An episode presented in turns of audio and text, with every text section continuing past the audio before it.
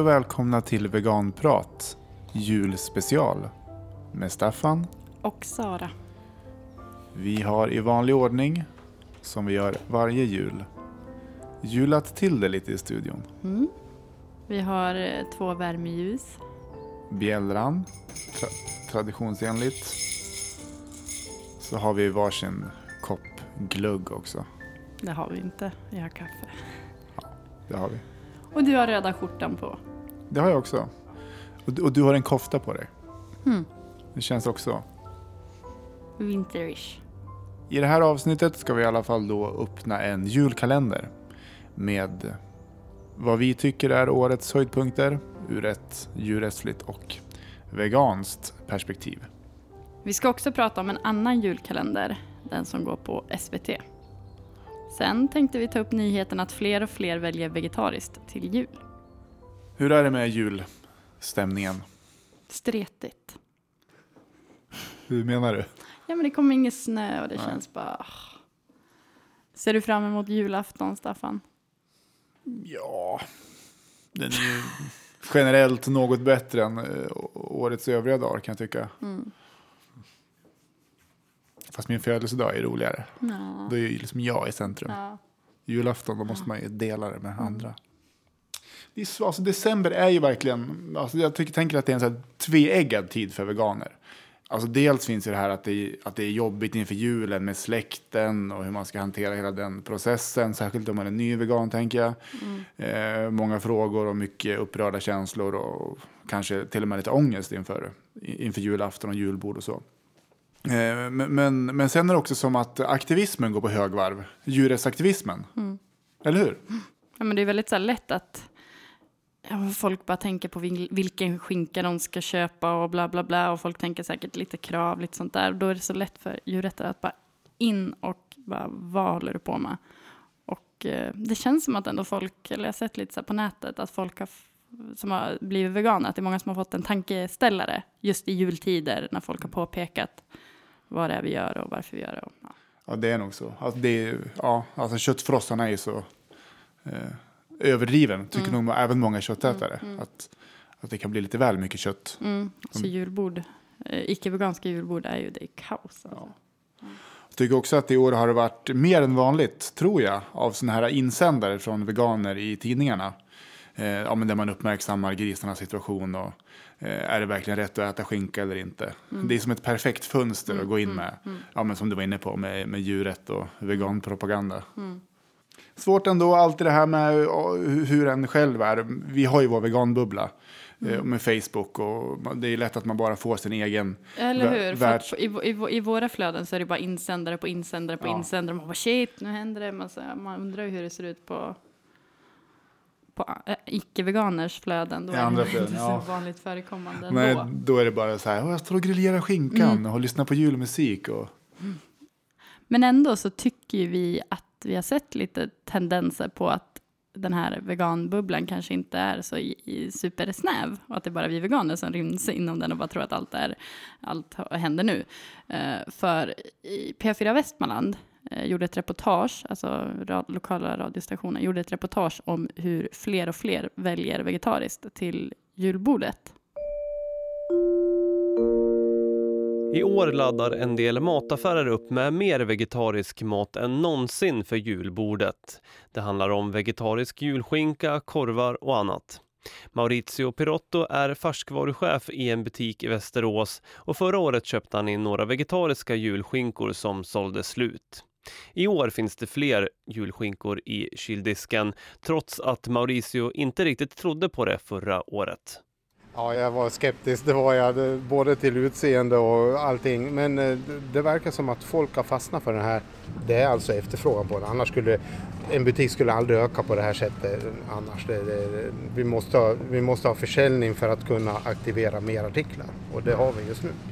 Jag misstänker att nästa år redan så har vi ett julbord, bara vegetariskt julbord. då, Helt och hållet. Alltså med alla detaljer som sylter och allt det här som då också kommer att komma.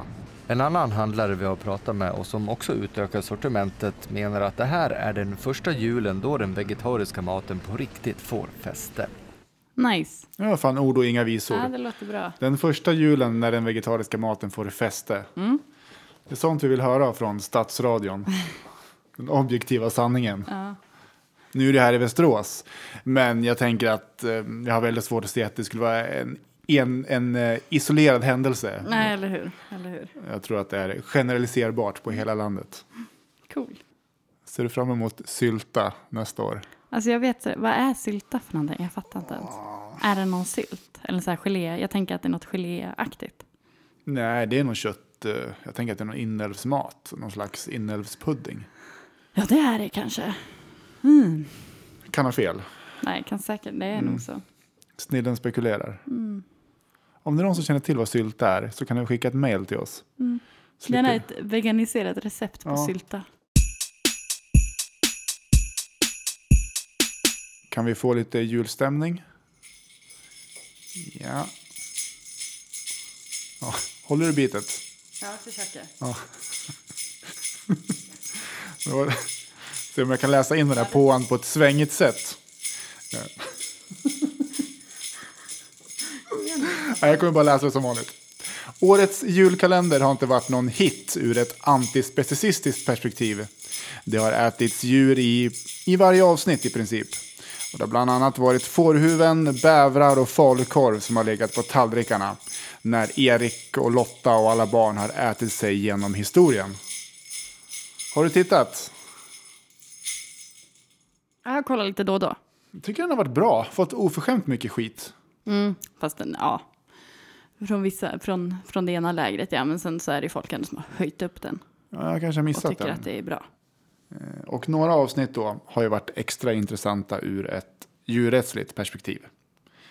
Eh, vi börjar med avsnittet från 40-talet. Då är det så att familjen de har det knapert eftersom det är krigstider. Och i en scen så står ju då barnen och gosar med familjens kanin, Scruffy. Eh, och några timmar senare är det matdags. Och då ligger Scruffy på tallriken. Det var vanligt att man höll kaniner på den här tiden och eh, åt upp dem när de hade blivit lite större helt enkelt. Är det en kanin allvarligt? Ja, Ja, du sa att du tyckte väldigt mycket om köttet. Jag visste inte att det var kanin. Men det spelar väl ingen roll? jo, om det är skruffig så spelar det roll. det verkar inte vara så jättekänsligt för dig. För du äter ju ganska mycket nu. Frisk aptit. Den är så god! Alltså om man inte har något annat kött så är man ju jättetacksam för kaninkött. Ja. Men det känns så här, um, som att man vill hålla köttet. Gossa med det lite. Ja. Normalisera mera. För, för grejen är att barnen blir så här inledningsvis bara va? Nej, skruffig och lite sådär. Men sen så pratar de ju vidare och bara det här är helt normalt och oproblematiskt. Och sen blir ju barn också så här Ja. För senare så används ju skruffis päls till att göra en muff. Och då redan där känns det som att barnet bara börjar acceptera att ja, Men det är ändå intressant under måltiden. Det är väl framförallt den här lilla tjejen som, eh, så, så, som först som blir, verkligen blir upprörd när, när hon får reda på att det är skruffig. Men den bara fortsätter äta för att mm, för att det är så gott. det är så himla gott. Ja, Man hade ju önskat att barnen bara nej. Ja det, verkligen. Det hade varit en sån bra grej. Ja. Och, och, eh, och vad är tidningsrubrikerna? Barnen vägrade äta skruffig. Mm. Men du Sen vägrade... undrar jag om de verkligen så här, ja. För de serverar ju maten och barnen äter av maten. Det är lite så här diaboliskt. Lite Ja, ondske- jag tänker, det hade kunnat se annorlunda ut om de hade serverat maten alltså, innan, och berättat vad det var innan barnen började äta. För jag tänker att det hade kunnat se helt annorlunda ut då också. ja, ja, så kan det vara.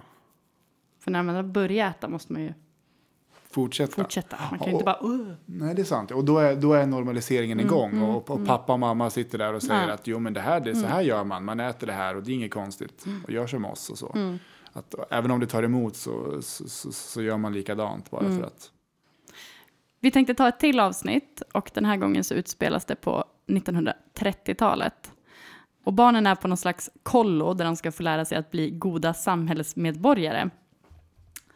Det här var en tid när nationalismen var väldigt stark. Vi hade det rasbiologiska institutet och eh, andra världskriget. Eh, låg och småputtrade lite överallt. Och samtidigt som det här så blev ju mjölken väldigt populär i Sverige. Att dricka mjölk blev liksom synonymt med svenskhet och friskhet. Och vi lyssnar lite. Då passar vi på, tycker jag, att ta en liten mjölkpaus. Mjölk, det är det näringsrikaste livsmedel som finns. Vill ni bli en A-människa? Då är det botten upp. Glugg, glugg, glugg. Ner med mjölken. Då är det dags att tvätta er här. Rena, friska barn är en framtidsgaranti för hela vår nation. Nu på 30-talet så börjar man dricka mjölk och mjölk i mängder. Alla ska dricka mjölk. Det är inte bara barnen utan vuxna och gamla också. Mjölk, mjölk, mjölk, mjölk, mjölk. Och sen efterrätt som består av mjölk. Mjölk. Mjölk. Mjölk. Jag vet inte hur man ska säga det. Nej, det är bara... mjölk. Det man säger, Mjölk. Vi säger Mjölk. mjölk. bara. Mjölk. Eh, det finns ju en, en jättekänd, jättekänd, det finns en affisch som är ganska känd från den här tiden som den här eh, lobbyorganisationen Mjölkpropagandan gjorde. Är för övrigt ett jättebra namn. Mjölkpropagandan. Ja. Jag är fortfarande besviken på att vi heter Veganprojektet Västerås. Och inte veganpropagandan. Ja. Eh, och- på affischen då så är det, det är två barn. Eh, och så är det då mm, en, eh, ja, men en så här, väldigt så här stereotypisk svensk flicka med liksom ljust hår och, och klänning och så. Och så, och så bredvid henne då står en, en, en, en pojke som är svart. Och så, och, så, och så säger man då att behåll du ditt kaffe till den svarta pojken. Och eh, till, till, till den svenska flickan så är det liksom, och du svenska flicka, drick du den goda vita mjölken. Yeah.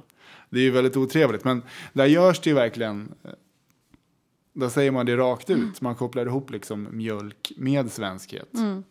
Och friskhet också som du sa, det näringsrikaste av alla drycker. Ja. Och det där, är- det är väl det som är intressant, att det fortfarande finns ett eko av det där idag i Bregott-reklamerna. Att svenskhet kopplas till att dricka mjölk och sånt. Och, ja, svenska barn, och starka ben, och folkmusik i bakgrunden och, och gröna landskap. Eller hur? För en vuxen som ser det där tänker jag bara, alltså ironin är ju superövertydlig ändå. Mm. Den är väldigt ironisk. Men det blir ändå så här. ah. Hur menar du? Att, Jag tänker, men alltså de är, ju, de är ju ironiska. De ironiserar ju över mjölkdrickandet. I programmet, ja. Ja. ja. Men det är ändå riktat till barn. Och barn fattar inte ironi. Ja, du tänker att barn blir sugna på att dricka mjölk av att se avsnittet? Kanske inte sugna, men att det liksom, som de andra normaliserar mjölkdrickandet. Eftersom att barn inte är superhaja på ironi. Om det är någonting julkalendern gör så är det att normalisera djurätande. Men vi har lite förhoppningar inför det sista avsnittet den 24 december. Och det är att då, då dukar de upp ett veganskt julbord. För att 2015, det är då vi börjar bry oss om, om alla. Ja, Kan hända. kan hända. Det är ju den, den första vegetariska julen. Eller vad det var. Jag skulle säga att sannolikheten för det är ungefär en halv procent. Laktovo-alternativ då?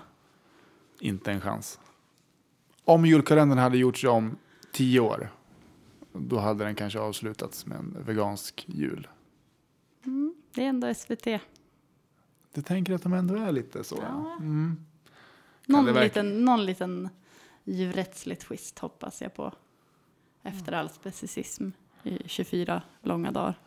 Ja, det skulle ju onekligen väga upp det. Ja, men vad är det som så här utmärker 2015 eller nu? Är det inte så här miljö, eh, hälsa, medvetenhet kring maten?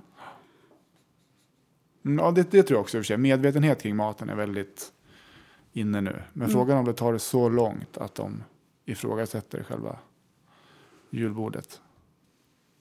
Chansen finns. Vi håller tummarna. För att det ska bli en riktigt god jul så bjuder vi nu på ett kärt återseende. Tror jag. För många. För många. Av en gammal programpunkt här i Veganprat. Nämligen Vardag med veganen. Julspecial. Vardag med veganen. Del 32. Veganen tittar på Fanny och Alexander. Jag tror att biskopen hatar Alexander. Jag hatar dig inte. Jag älskar dig. Men kärleken, det vill säga den kärlek jag hyser för dig och din mor och din syster, är inte blind och inte mjäkig. Den är stark och kärv, Alexander. Vardag med veganen. Åh, jag får så ångestvågor i hela kroppen. Jag ska titta i år.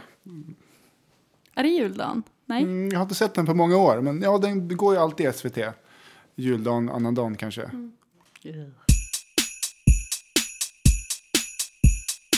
Det har blivit dags för vår julkalender. Vi öppnar lucka efter lucka och bakom varje lucka så, så ryms det, finns det en eh, megahändelse som inträffat under året. Som har djurrättslig koppling. Vi vill också understryka att det är mega händelser i vår värld. Ja, Vårt perspektiv. ja. För andra veganer är det nog andra Mm. händelser som är mega. Det här är några megahändelser. Ja. Godtyckligt utvalda. Mm. Ska vi öppna första luckan? Det gör vi. Lucka 1. Vegetariska mässor. 2015 var året när det slogs rekord i vegetariska mässor. Det var Vegoforum i Stockholm i mars. Sen var det Vegofesten i Örebro, Uppsala Vegofest, Vegovision gånger två i Umeå och Göteborg, Linköping Vego och nu nyligen Vegomässan i Stockholm. Ja, Jag kan ha missat någon. ja säkert. Och det här måste vara rekord. Det är hur många som helst. Och det är ju fantastiskt att det här sprider sig över Mm, hela mm, landet. mm. Varje stad med självaktning har snart en egen vegetarisk mässa. Mm. Och att det kommer så många besökare också. Hoppas på att 2016 erbjuder dubbelt så många mässor. Lucka 2. Djurfabriken. Jag har sagt det förr och jag säger det igen. Eh, så jävla bra. Det här behövdes i djuret Sverige. Eh, de här bilderna och mm, sjukt bra. DRA. Lucka 3. Vegan. Mat. På SJ. Det är ju inte bara SJ, det är ju Max. Kom, det är inte så länge sedan alls de kom med nyheten om att de ska eh, i framtiden ha fem vegetariska alternativ. Mm. Varav ett hel veganskt. Men Mm. ändå. Eh, och eh, vad är det mer? Det är... Eh, O'Larrys. Mm. Typ så här ohippa ställen har veganmat. Mm. Då, då börjar det bli ganska normalt, typ. Ja.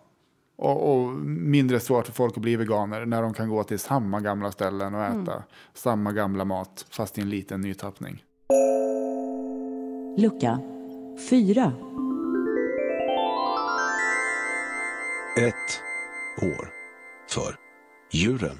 Martin Smedjeback startade ju en insamling i början av, eller slutet på förra året, för att kunna arbeta djurrättsligt hela det här året.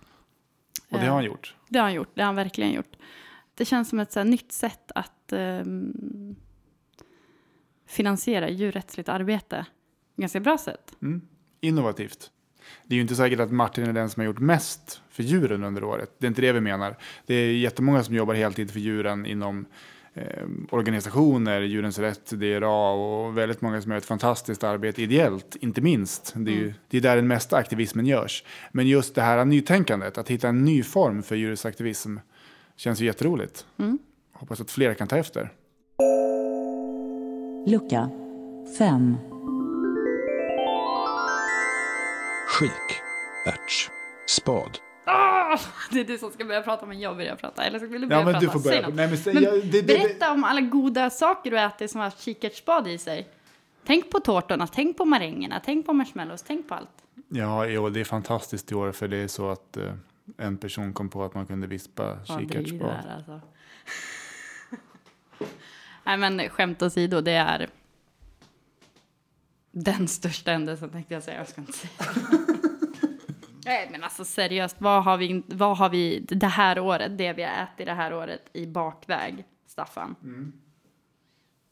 Har det innehållit kikärtsbad? Ja, och det har varit jättegott.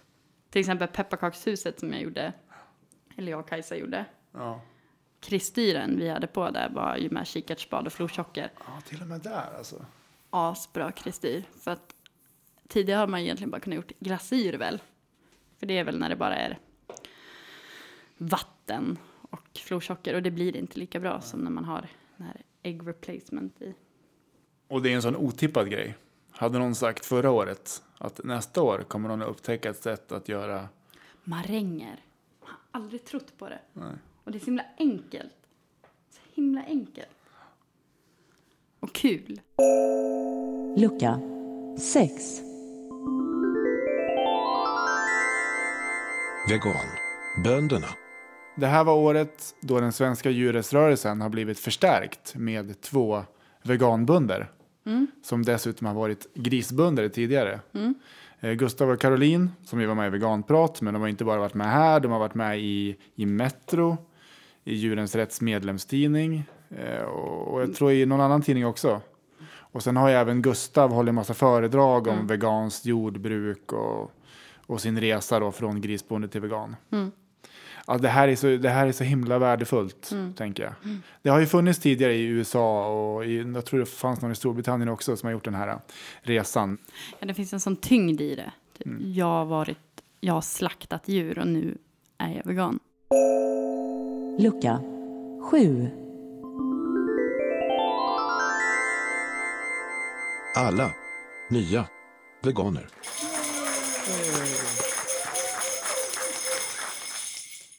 Det är ju ändå det som räknas. Ja.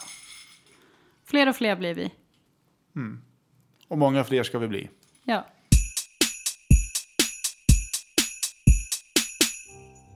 Då återstår det bara att önska alla er som firar jul en riktigt god jul. Och till alla er som inte firar jul, ha en fin helg, lång helg. Och så hoppas vi att nästa år blir lite mindre specicistiskt än det här året. Och att djurrättsrörelsen gör ännu större framsteg. Mm. Så att vi kommer närmare vårt Målet. mål. Mm. Och till alla er veganer som bävar nu inför släktmiddagar och julångest. Så är det väl kanske det som kan vara trösten i bästa fall. Eller så här, jag, vi fick ett mail, kommer Mhm. du ihåg det, häromdagen bara? Det var en person som, som hade nyss blivit vegan som sa att han älskar att vara vegan. Ja. Mm. Och det tyckte jag var så, det, det glömmer eh, jag ofta bort. eh, Den aspekten. Det är så lätt att komma in i den här, åh, lite jobbigt att vara vegan, man ser allting och jobbigt att vara i affären och bla bla bla. Men vad fan, man älskar ju att Mm. vara vegan också. Så Det är jävla skönt att inte vara en del i utnyttjandet och dödandet. Och Mm. Man får försöka tänka på det. Mm. Zona in på seitan-skinkan och bara tänka att det går framåt. ja. Och att det är så jävla coolt att, att vi finns. Vi som tar avstånd från det här fruktansvärda jävla förtrycket. Mm. Om du är vegan, God jul. om du inte är vegan God jul. och blir vegan. Hej då. Hej då. One, two, one, two, three.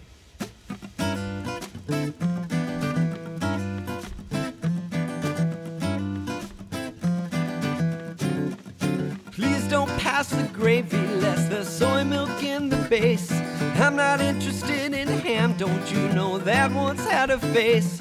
I prefer my cashew nut roast with my couscous tofu bake. And have you tried the mango chutney? Oh, it's just like grandma used to make. It's gonna be a vegan Christmas, the only Christmas for me.